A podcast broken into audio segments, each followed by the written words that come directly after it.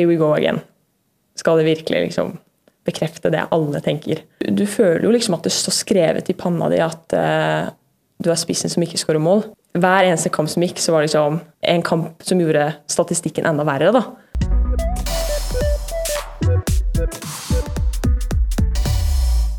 Hei, hei, og velkommen til en ny episode av Mer enn 442, en podkast av og for jenter i fotballen. I dag har jeg med meg Julie Klæbo. Veldig hyggelig. Røa-spiss, 24 år. Yes. Server oss din fun fact. Rett på fun fact, altså. Uh, ja, fun fact er litt vanskelig, altså, sier det sånn, overslem, men uh, fun fact altså, må jo være det at uh, um, Eller mitt lengste skadeavbrekk hittil da, i karrieren er jo ble utfordra til å hoppe fra timeteren, da, og klarte jo da ikke å dy meg. Så opp der og hoppa, og i det landet så merket jeg at ok, det her gikk ikke sånn kjempebra. Så det å bli skada åtte måneder ute på noe som ikke var på fotballbanen, den er ganske, den er ganske kjip. Den er tung å svelge. Hva slags skade var det? Jeg fikk en rift i hofta. Så det ble en slags enkelt forklart menisk i kneet, bare i hofta. Så det tok tid. Altså, Én ting er jo det å bli skadet utenfor fotballbanen, men det å bli altså hofteskadet ved å hoppe fra timeteren er jo imponerende. Ja, det, det, det, skal liksom ikke være mulig, da. Men jeg klarte jo det umulige, så det var jo fint, det.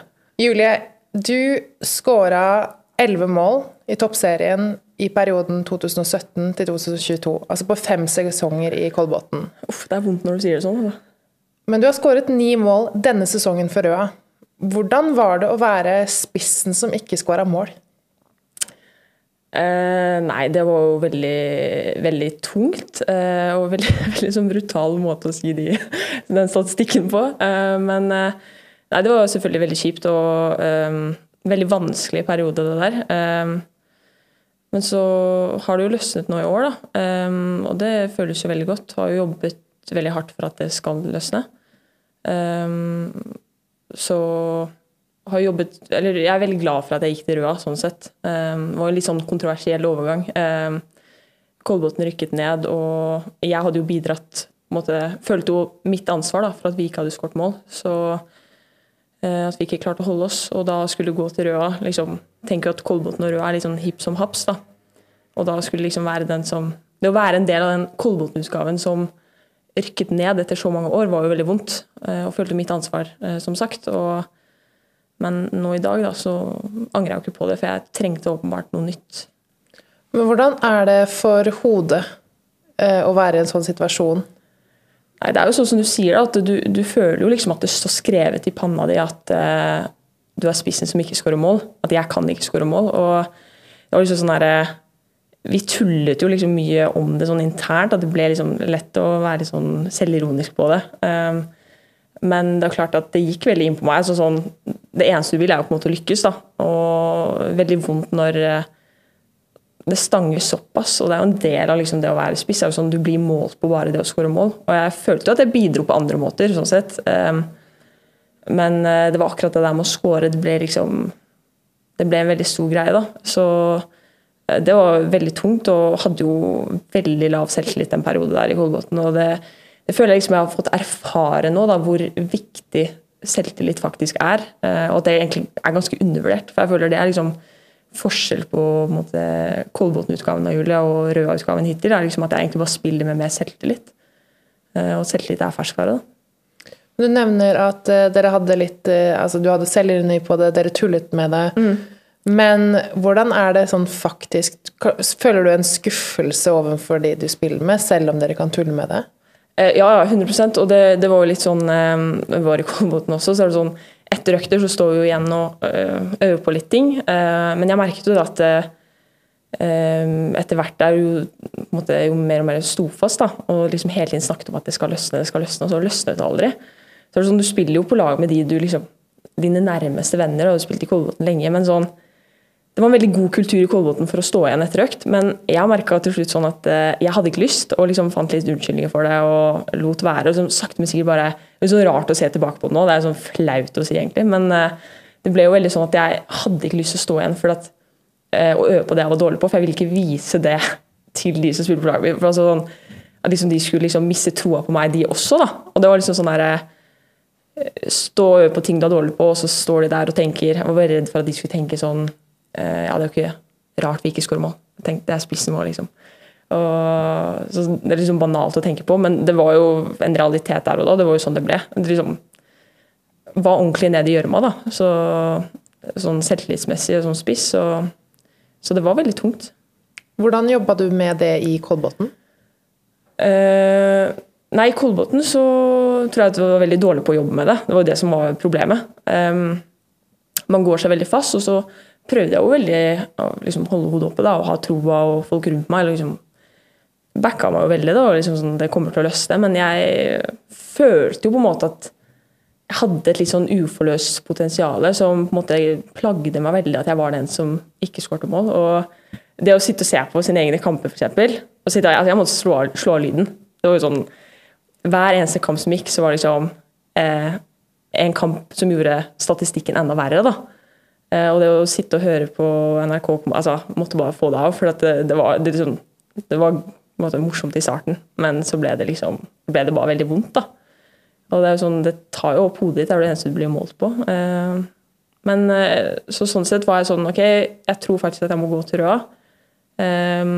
Selv om det liksom var litt rart, da. Men rett og slett bare for å få en ny start og blanke ark. Og Geir var veldig på at han ville at jeg skulle komme, og hadde veldig troa på meg. og bare det å føle at noen har veldig genuin troen på deg, selv etter liksom det du har levert, da, sånn poeng, målpoengmessig, uh, var liksom betryggende. Så i Røa så føler jeg vi har uh, jobbet ordentlig godt uh, med det jeg tror det passet meg veldig godt å spille på topp sammen med Tuva, f.eks. Det var jo en stor forskjell da, fra Kolbotn. var jo på en måte formasjonen vi spilte, og her spilte vi litt annerledes i Røa. og Spille med to på topp, og da spille med en som Tuva, da, som eh, utfyller meg veldig godt. Og vi fikk en veldig god tone eh, i garderoben. og så det har absolutt eh, hjulpet meg. da, og Jeg føler at jeg og Tuva var litt i samme situasjon. Litt sånn uforløst potensial. Og vi var litt sånn OK, men nå nå skal vi liksom vise dem. Vi ble jo fikk jo litt hate på Marbella der eh, etter første kampen om at eh, vi ikke så noe godt liksom, samarbeid eller kombinasjoner mellom oss. Og vi bare sånn OK, vet du hva, nå skal vi gå for eh, tosifra i år, begge to, liksom. Og, så jeg føler liksom at vi har hatt en veldig sånn Vi har hatt en fin link, da, som har bidratt veldig positivt for min del, absolutt. Uh, og prate om også Andre treningskampen med Røa mot Stabæk, så får vi en straffe. Og så bommer jeg på det straffesparket. Og da var det liksom OK, here we go again. Skal det virkelig liksom bekrefte det alle tenker? Uh, men det var egentlig veldig bra det skjedde, tror jeg. For da tok jeg en ordentlig runde med Geir og mentaltrener og jobba liksom ordentlig fra scratch. da. Uh, og nå, det har jo løsnet, så jeg er veldig fornøyd med det. Hva var det de sa til deg som gjorde at du har fått den utviklingen som du har hatt denne sesongen? Uh, nei, altså Geir var veldig sånn Vi, vi starta veldig det enkle. da, sånn, um, Jeg husker vi snakket veldig om det her med i Kolbotn f.eks. At jeg sånn jeg var ribba for selvtillit. Jeg gjorde ting veldig enkelt, veldig basic. Eh, og det blir jo sånn når du ikke har selvtillit, så altså, uansett hvilken spiller du er, da, hvis du ikke har selvtillit, så er du egentlig ingen. Eh, og det er liksom Du spiller safe, du tør ikke å utfordre, du tør ikke å prøve på ting. Da. Du blir veldig en sånn enkel spiller. Eh, så vi jobba veldig mye og liksom sakte, men sikkert bare tørre mer. da. Og så var det sånn, så Som spiss, når du ikke skårer mål, så ble det veldig sånn Jeg gikk for assis. da. Liksom Det bare lå i ryggmargen min at jeg prøvde heller å sette opp andre. Så vi startet jo i Røa med at, uh, at liksom At jeg bare skulle skyte. Og Geir var sånn Jeg blåser i. Om du blåser den 100 meter over. Jeg bare sånn, jeg er glad hvis du skyter. Liksom, det er der vi starter. Så i starten i Røa så var det sånn herre uh, jeg slipper, ikke sant, av, vanlig, av vane. Bare slipper til, til en medspiller, liksom. Og da var det sånn, går ballen ut av spill, og så går det tre, to, én, så hører du bare Klæbo! Shoot! Ikke sant? Den derre eh, Emil i Lønneberget-viben, ikke sant? så, så, etter hvert der, og jeg fortsetter å slippe, av så går det 3-2-1, og jeg bare sånn skuldrene litt opp. Jeg vet at nå kommer det skrik. Geir har jo en stemme som runger godt. Og... Ja, ja, den, den, smeller, den. Så jeg tror de hørte det langt ned på Nadderud fra Røa der. Klæbo skyt, liksom. Um, så etter hvert altså, så begynte jeg å skyte, da, og det var liksom sånn, hvis jeg ser på at det har løsna litt i år, så er det sånn flere av de målene jeg har skåret, er jo altså Det handler jo bare om å tørre, på en måte. Og jeg vet at i fjor, eller forfjor, så hadde ikke jeg skutt der, f.eks. Jeg hadde spilt safe. Så selvtillit er nøkkelen til veldig mye, altså. jeg har jo hele tiden hatt troa på at jeg har et litt sånn uforløst potensial. Og liksom det å føle at nå har det i hvert fall løsna litt i år, da. Selv om jeg har veldig mye å gå på fortsatt, så har det i hvert fall vært veldig en sånn bekreftelse på at ok, dere hadde ikke helt rett, alle dere som mente at det sto i Panama at jeg ikke kunne skåre mål. Så det har vært veldig godt, sånn god bekreftelse. Hva er drømmen? For meg så har jeg bare veldig lyst til å bli en spiss som på en måte preger toppserien, da. Med mer målpoeng enn jeg har gjort tidligere. Eh, men sånn, det er klart at alle som legger ned såpass mye eh, i fotball, har jo en drøm om å bli så god som mulig. og liksom Landslaget er selvfølgelig en drøm uten at det er et mål, hvis du forstår hva jeg mener. Mm. Så nei, egentlig bare å bli sånn, beste utgaven av meg sånn, ut fra mine forutsetninger. Litt kjedelig svar, men Jo, ja. men jeg tar den. ja, du tar den. men i Altså, det er jo mange både jenter og gutter som vokser opp og møter motgang. Eh, de blir, er kanskje ikke de beste i sin aldersgruppe. Mm. Tidlig i tenårene. Eh, hvordan var det for deg? Um, ja, jeg kommer fra en veldig liten plass. da, uh, og hadde, på en måte, Der er du avhengig av at du får gode kull. på en måte, og Pappa var treneren vår, og vi hadde to årganger som var ganske bra, så vi hadde et ganske godt lag. Uh, og jeg tror som alle andre så spilte man jo mye med guttene når man var mindre, eh, og fikk god matching der. Men sant, eh, jeg merket jo det at sånn, jeg var jo aldri sånn på landslag Nei, på landslaget sånn var jeg jo aldri aktuell for. og kretslag og sånn, så var jeg liksom Jeg var bare helt på det jevne. Jeg var helt midd, liksom. Så jeg var liksom ikke sammenligna med de andre 99-erne eh, sånn regionalt, da. Så var jeg på en måte bare Var jeg ingen, liksom, sånn sett. Men Eh, men jeg holdt nå bare på med det fordi jeg syntes det var veldig gøy. Og syntes det var veldig gøy å være på kunstgresset alene med pappa og på Løkka. Og jeg syntes jo bare det var kjempegøy. Så, så, jeg hadde ikke noe sånn mål om at jeg skulle liksom være Bli best og liksom Jeg hadde lyst til å bli god, da, men liksom sånn Nei, jeg husker jeg hadde veldig sånn respekt da, for de som liksom altså Landslaget, herregud, jeg ble jo livredd av tanken. ikke sant? Jeg mhm. husker jeg skulle trene med Kolbotn, og jeg var jo dritredd. Så jeg var litt mer den typen, da. Ja. Ja. Det høres ikke helt ut som du på noe punkt tenkte å slutte, men når det har bikka imot, du har kjent på den motstanden, har det vært en tanke i hodet at kanskje det hadde vært bedre å finne på noe annet? Um, altså, det har vært veldig mange ganger hvor eh, jeg har tenkt at vet du folk har rett. Sånn, jeg skårte mye mål da jeg var mindre, og det var bare fordi at da var jeg mindre. Altså sånn, Kanskje jeg ikke er en spiss, da kanskje jeg burde blitt en midtstopper eller noe sånt. Eh, det har jeg tenkt mange ganger.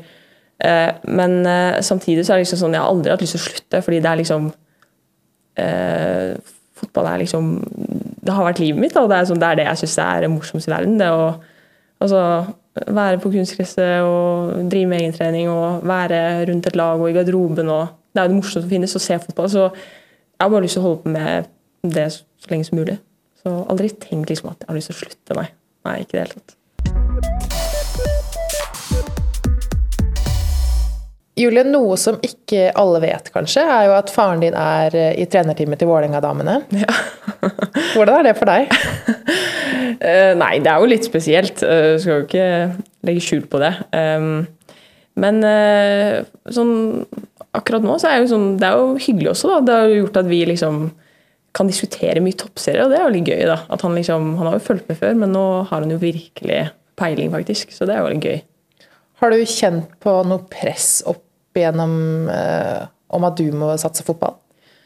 Uh, oi um, Nei, egentlig ikke noe press om det. Jeg tror det er mer bare det at uh, det har bare blitt sånn. Pappa har liksom bare påvirket meg hele veien. eller sånn Um, ja, nei, men jeg har aldri følt på noe sånt press. Det har jeg ikke. Uh, det har liksom bare blitt en liksom delt lidenskap mellom oss. At liksom det er liksom vår greie. da. Uh, men aldri følt liksom at det er noe jeg må. Det er jo mer det at pappa bidrar til at det er noe jeg bare syns er veldig gøy, og noe jeg har lyst til å drive med. på en måte. Hvordan har det vært eh, opp igjennom å ha en far som er så involvert?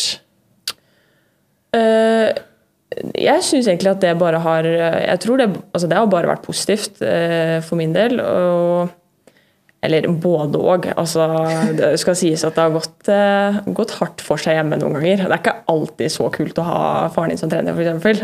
Det, det skal sies. Det har vært mye krangling også, men, men eh, sånn all over da, så har det jo vært, eh, vært veldig fint. Altså, pappa har jo måtte, alltid dratt meg med ut og um, fått meg til å se veldig mye fotball. og liksom, Hvis jeg ikke fikk sove da jeg var liten, så satt jeg meg bare foran TV-en, og så så vi på en eller annen kamp i, på en kassett eller i opptak. eller liksom, Det var helt ekstremt. Så det var liksom sånn jeg fikk sove da da jeg var mindre, å sitte og se fotball. Hvordan har resten av familien stilt seg til denne delte fotballidelsen? Nei, ikke lidelsen. lidelsen. Det er nesten lidenskapen. Jeg tror mamma ser på det som en lidelse, egentlig. For å aldri sett Farmen. Nei da, men um, de er også veldig fotballinteresserte, og mamma har jo ikke hatt noe valg, hun heller. Og broren min spiller også fotball, så det er jo en fotballfamilie, det må jeg jo si. Så Momo og bestefar er jo helt ekstreme. De, de ser jo kampene mine først live. Og så til frokost dagen etterpå, for det er veldig gøy å få med kommentarene også. Så de, de ser liksom to og tre ganger det. ja, så de er ekstreme, faktisk. jeg husker jo mamma for eksempel, har fortalt meg etter at hun var jo litt sånn bekymra. Det var jo nesten litt sånn low-key omsorgssvikt. Hadde akkurat lært meg å stå og så vidt lært meg å gå, og pappa drev og fløy rundt og slitakla meg på stuegulvet hjemme. For han mente at jeg måtte bli liksom vant til å falle da, og liksom tørre det og klare å stå imot en sklitakling. Så vi var på det nivået, liksom. Men uh, Det høres helt sjukt ut. Det høres jo kjempebra ut, burde kanskje ikke sagt det. jeg tenker om. Men eh, som nevnt så er jo han nå i trenerteamet til Vålerenga kvinner. Eh, I den prosessen hvor han fikk dette jobbtilbudet, var du med i den prosessen? eh, altså, jeg husker da det faktisk ble liksom aktuelt. Og uh, så husker jeg at vi selvfølgelig hadde en samtale om det. Uh, og snakket litt om det. Og liksom sånn, jeg var bare sånn der, men jeg vet jo hvordan pappa altså pappa, Jeg syns jo han er en veldig flink trener. da. Um, så litt sånn Skulle gjerne ha han som trener selv, på én måte, eller sånn sett. Men um, jeg jeg sånn Jeg vet jo også hvordan han er som type. da, Han er jo en klovn og en showman liksom sånn utafor feltet. da, Han liker jo liksom å bjuda litt på. Um, så jeg var bare sånn her Pappa, Hvis du skulle gjøre det sånn, Det er annerledes. Dette er ikke liksom en herreklubb, liksom. sånn, Her kjenner jeg faktisk som folk vet hvem, Jeg vet hvem folk er, og de vet hvem jeg er, og kan bare være litt rolig, liksom. Tok det en uke, da. Så fikk jeg liksom snakka med Karina Sævik der om at uh, da hadde han kjørt fullt show i garderoben, så det var jo greit. Det tok én uke, liksom. Så det var jo bare å gi opp med en gang. Men hvordan har det vært ellers? Dere spiller jo åpenbart kamper mot hverandre. Ja, ja det har jo vært veldig spesielt. Um, og liksom um, Vi spilte mot hverandre første gangen der, så måtte jeg ordentlig sånn eh, ta meg litt sammen. fordi det er jo en stemme jeg har eh, fulgt i hele livet, og han har jo vært treneren min lenge. Så er det én fyr som er liksom like engasjert som Geir på sidelinja, så er det vel pappa. Så jeg merka at jeg intuitivt liksom nesten begynte å løpe på signalene hans. Så jeg måtte liksom prøve virkelig å stenge ute den uh, stemmen hans og bare fokusere på Geir. Men har uh, Joakim, som din far heter, mm. uh, har han sagt noe om hvor, hva han synes, eller hvordan han opplever det her? Ja, altså jeg, Pappa også syns jo det veldig, var veldig spesielt, i hvert fall når vi møttes da, og spilte mot hverandre. og Han var liksom sånn derre Det å faktisk skulle håpe at de vant, og at liksom, det, Jeg tror han syntes det var litt vanskelig. liksom Hadde litt lyst litt lyst innvendig til å juble liksom, hvis jeg skårte, men samtidig så ikke. Fordi, det blir veldig rart å sette din egen datter til å mislykkes. Akkurat det. Jeg tror han syntes det var litt rart, ja. det skjønner jeg veldig ja. godt. Så det er sånn refleksen som ligger Akkurat inni Akkurat det. Refleksen der, men liksom jeg, jeg, Han har ikke innrømt det, men jeg tror at den gangen jeg skårte mot Vålerenga der, så jeg er sikker på at han var litt på vei opp, og så måtte han sette seg ned igjen. det tar seg selv litt i det. Jeg håper det, i hvert fall. Men du nevnte jo nå eh, den første kampen dere spilte mot uh, Vålerenga mm. hjemme eh, ganske tidlig i sesongen, så endte det altså 3-3. Veldig sånn sjokker. Tror veldig få hadde forventa det resultatet. Ja. Og du skårer jo da i tillegg, og kjører en hysj I retningen din far? Ja, det var en sånn sett deg ned-variant. Men ja, det var nå bare, bare, litt for gøy, da. Det som var litt flaut med det, du, var at pappa satt liksom sånn her og liksom helt i sonen, så jeg fikk bare øyekontakt med Nils. Det var ikke sånn kjempeheldig, egentlig. Det husker jeg at jeg var sånn sett, oh, ja, ok da. da du kunne sett deg ned til Nils, liksom? det ble nesten Akkurat den var litt sånn uheldig, da. Men sånn reaksjoner utenfra, har det vært liksom alt i alt, nå som vi snart er ferdig med spilt én sesong, da, mm. har det vært positivt? Ja, så jeg har ikke merka sånn kjempemye til det, egentlig. Eller sånn annet enn at jeg får høre via Hildegunn og Karina da, at liksom han gjør jo stadig vekk litt sånne rare ting da, og er litt showmann og sånn der. Men som sagt, veldig gøy at vi kan diskutere toppserien på et litt sånn annet nivå. Det er jo veldig gøy. Ja, for han har jo kommet fra en trenerkarriere i, fra herrefotballen, mm. og så nå første gang i damefotballen. Mm. Hvordan har det vært både for deg? Merker du noen forskjell i diskusjonene deres hjemme? Eller hvordan han ser på, ser på begge deler?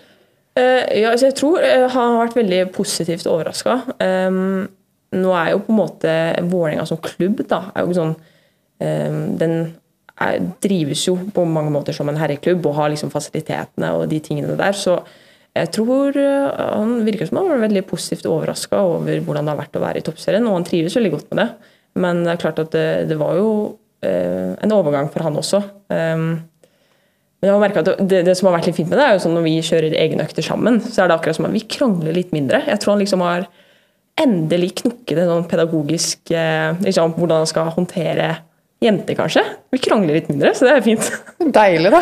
Veldig deilig.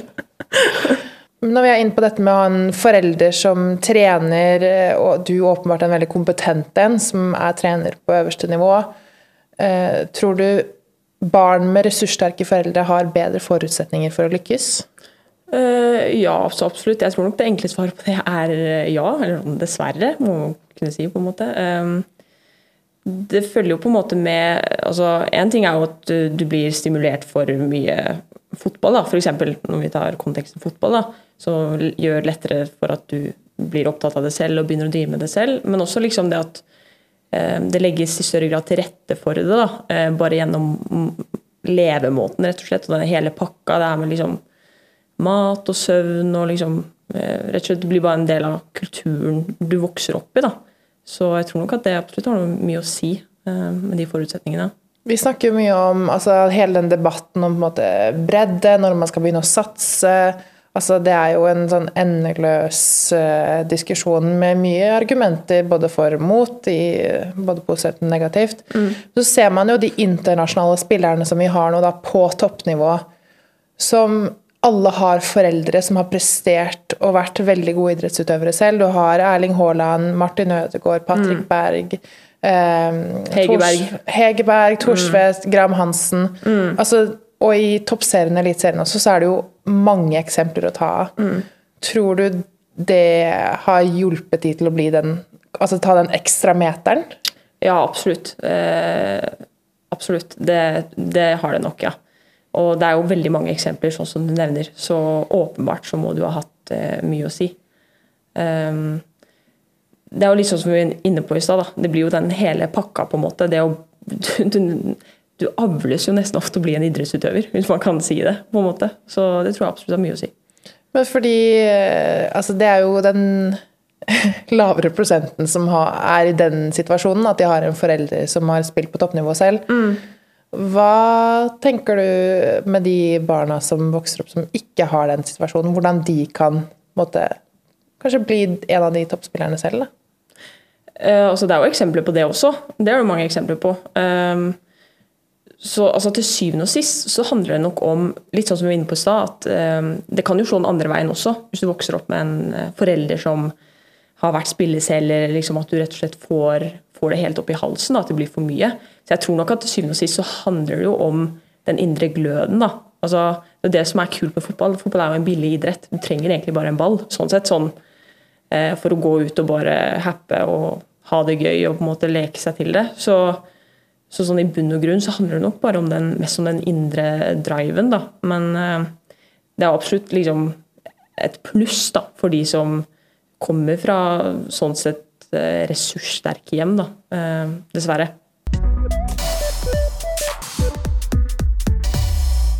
vi snakker om prestasjoner og internasjonalt nivå og den biten der, så har vi jo også to hjemlige lag, da Brann og Vålerenga, som har tatt seg videre til nå en playoff-runde. Siste kvalifiseringsrunde før et gruppespill i Champions League. Mm. Um, I den første playoff-kampen denne uka så uh, vant jo Brann. Mm. Altså, de vant 4-0 mot Glasgow City. Ja, veldig sterkt. Det er jo veldig sterkt. Veldig sterkt, altså. Og veldig kult. Så, så, da står de jo nesten med en altså De kan jo si at de står med en fot inn i gruppespillet i Champions League. Og det er jo helt rått. Og det må jo si er liksom et gjennombrudd da, for eh, norsk eh, kvinnefotball-toppserien. Så det er jo kjempekult. 100 Eh, Lillestrøm var jo i kvartfinalen for noen år siden, men etter det så har jo eh, oppsettet på hele turneringen endret seg sånn at det nå er likt som herrene. Så det er jo eh, per definisjon vanskeligere å kvalifisere seg nå, da.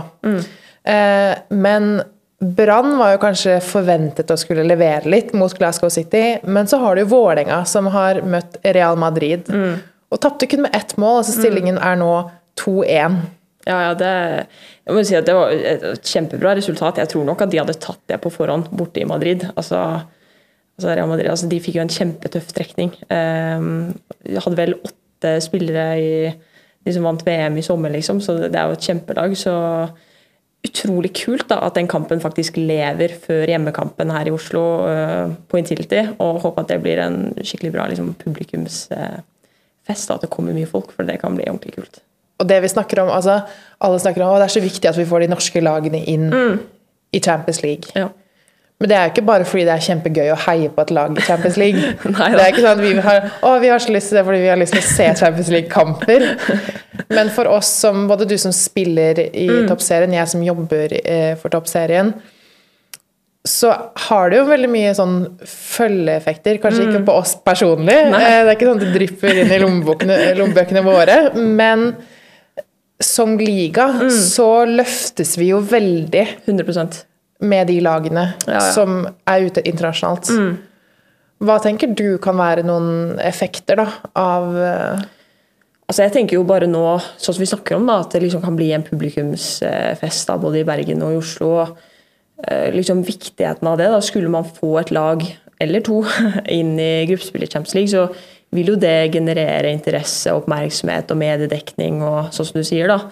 Um, veldig mange eh, positive konsekvenser av det. og det vil jo forhåpentligvis liksom løfte produktet toppserien. da, ikke sant, I forhold til sponsorobjekter og det her, og sette toppserien enda mer på kartet. Um, og så tenker jeg at det er jo kjempeviktig at liksom vinden har jo på en måte blåst i riktig retning eh, en liten stund nå. Det har jo vært en utvikling, men nå ser vi det virkelig. Um, og det at man kan få Vålerenga, Brann og Rosenborg da, til å, som liksom har blitt de tre klubbene i Norge som skiller seg ut. da, økt profesjonalisering og fasiliteter. Men det å gjøre de klubbene enda mer attraktive, da, både for utenlandske spillere, som kan være med å heve ligaen, eh, men også det å liksom for at man rett og slett klarer å holde på de gode norske spillerne da, som har preget toppserien. For det har kanskje vært en tendens til det de siste årene at de som har vært eh, gode og briljert i toppserien, da, har forsvunnet ut. Eh, kanskje for eventyrets skyld, men også ikke minst det for å faktisk kunne leve ut profflivet. Da. Det er liksom det alle drømmer om, det å kunne spille fotball fullt og helt. Eh, Men nå ser man jo kanskje at det er mulig i Norge etter hvert også, da, i de tre toppklubbene. Som gjør at eh, Vålerenga klarer å resignere Olaug Sveten, Thea Bjelde, Janni Thomsen f.eks., og Brann klarer å resignere Noreide Lie. Liksom, hadde det bare vært for to år siden, da, så hadde jo mest sannsynlig de kanskje gått ut. Så det er jo kjempeviktig for at liksom, toppserien um, som produkt da, heves og ja. Vi ønsker jo å komme til et sted altså Du ser jo på herresiden, så er jo en majoritet av økonomien styres jo av overgangssummer. Ikke sant? Både salg og, og kjøp. Eh, mens det er jo ikke realiteten Nei. på damesiden. Så vi ønsker jo etter hvert dit, ja. å komme dit. Men det krever jo også at, sånn som du nevner, at vi klarer å profesjonalisere oss til å holde spillere lenger. At spillere faktisk signerer lengre, Lengre perioder. Ja. Ja. Eh, at man faktisk får noe igjen for å utvikle Mm, talenter. Så det er veldig mange ting som har noe å si, da. Eh, både kortsiktig og langsiktig nå for Champions League-lagene, altså Brann og Vålerenga. Så er det bare dette med, med økonomiske midler. Bare, for altså bare for å kvalifisere seg til Champions League, nå, altså gruppespillet, så får du jo 300 000 euro. Ja, ikke sant. Ehm, og så etter det i gruppespillet, så får de jo altså lurer på om det var 17 000 euro for uavgjort og 50 000 euro per seier. Ikke sant, såpass, ja. Så de har jo faktisk muligheten Ja. til, å, til å bygge på en måte Ja, ja, den økonomiske styrken i, i klubb. da. Ja, ja, virkelig. Eh, og det er jo ikke egentlig altså det er jo ikke bare klubb, altså Mm. Brann som får penger, eh, eller Vålerenga hvis de Mm. klarer å kvalifisere seg, men det drypper jo også på liga Mm. på de andre klubbene. Eh, og det at vi klarer å forbedre rankingen etter hvert, da. Ja, ja. Det er jo kjempeviktig for oss som liga. Hvis vi skal nå målsetningene som vi har satt oss, så bør Sier bør, egentlig må Ja. vi ha et lag inn i Champions League i år. Det som jeg ikke visste mm. da jeg startet her, eh, som jeg syns var ganske interessant med tanke på ranking, er jo at den baseres på de siste fem årene. Ja. Um, man tenker jo sånn ah, 'Vi har gjort det godt i år, vi burde Ja, gå sant. på rankingen neste år'. ja. Nei, det visste ikke jeg heller, faktisk. Men den baseres på prestasjoner fra de fem Altså fem år tilbake i tid. Så hun går liksom på en trend, på en måte. Ja, Ja, det er akkurat det. Så den totale på en måte scoren på rankingpoeng Ja, som du klarer å samle hvert år. Eh, Så vi er jo avhengig av at lag fra toppserien gjør det godt Internasjonalt. internasjonalt de neste fem årene. Det er jo også derfor det er viktig at vi får sånne flaggskip som du nevner med Rosenborg, Vålerenga, Brann. Ja. Eh, At de får liksom ordentlig forvalte det de er i gang med å bygge. da.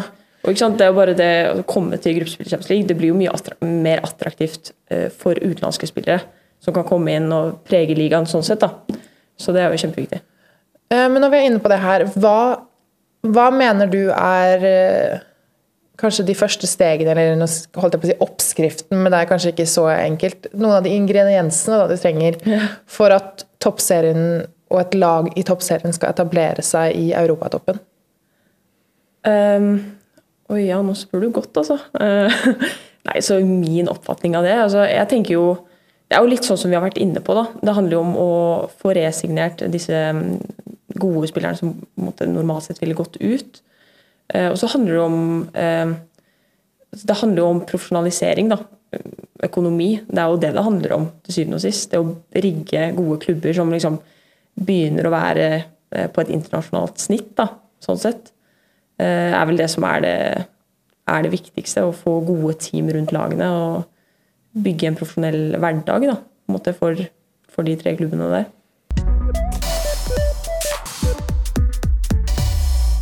Nå er vi jo i oktober allerede. Mm. Det er jo ikke så lenge igjen av, eh, av eh, serien. Uff, det tikker mot vinter, altså. Ah, Mørket kommer. Ja, det er vondt. Det er veldig vondt.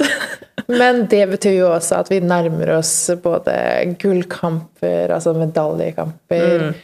Det er jo mye spennende, selv om mørket kommer på slutten av sesongen, så er det jo ofte der mye av spenningen ligger. Det er da det skal avgjøres. Ja, så det blir spennende. Ehm, kanskje det mest åpenbare først. Vi har jo en veldig tett kamp i toppen, i toppserien, eh, mellom eh, Rosenborg og Vålerenga. Utrolig spennende.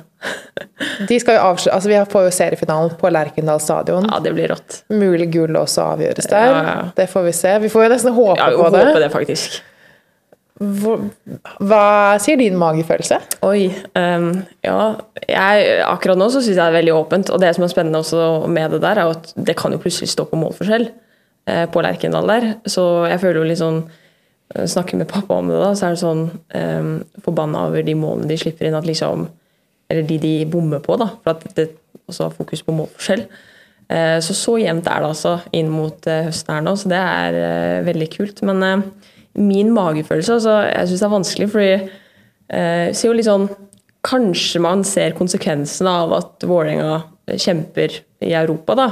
Og du ser jo liksom Nå er de borte i Madrid, og så skal de hjem og møte Avaldsnes.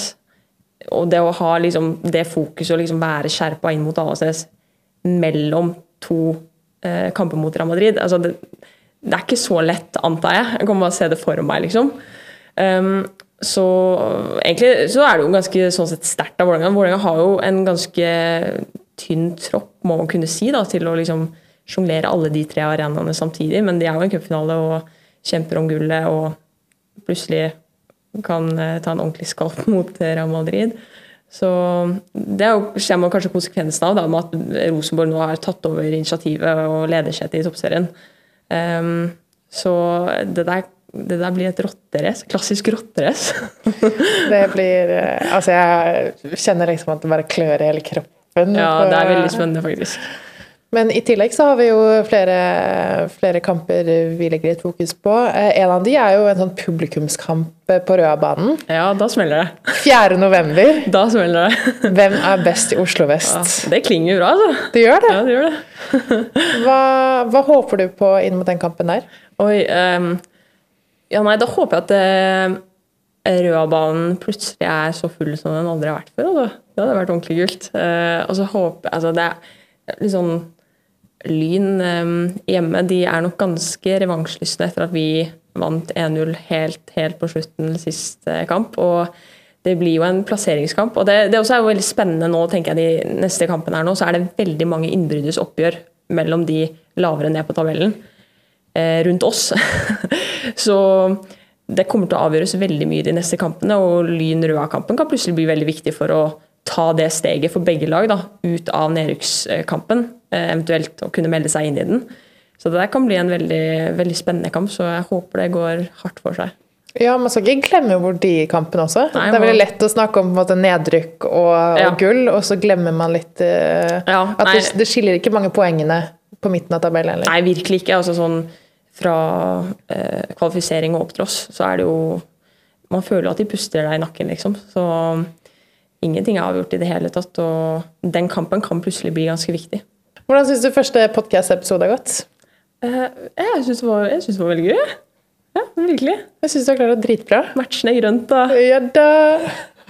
Det være, Skal ikke begynne å liksom kjøre litt sånn dress code, da. Sånn, I dag kjører jeg grønt, eh, dere må kanskje kjøre noe annet. Vi burde jo nesten gjøre det, for ja. de siste episodene også så har vi jo matchet med altså Både jeg, Cecilie og Thea Bjelde ja. og Anna Åhjem på det. Alle gikk i blått, og det Jeg vet ikke hva det er. I dag skulle men... du variere. I dag skulle du kjøre grønt. Det er akkurat det! Og så kommer du i grønt, du òg.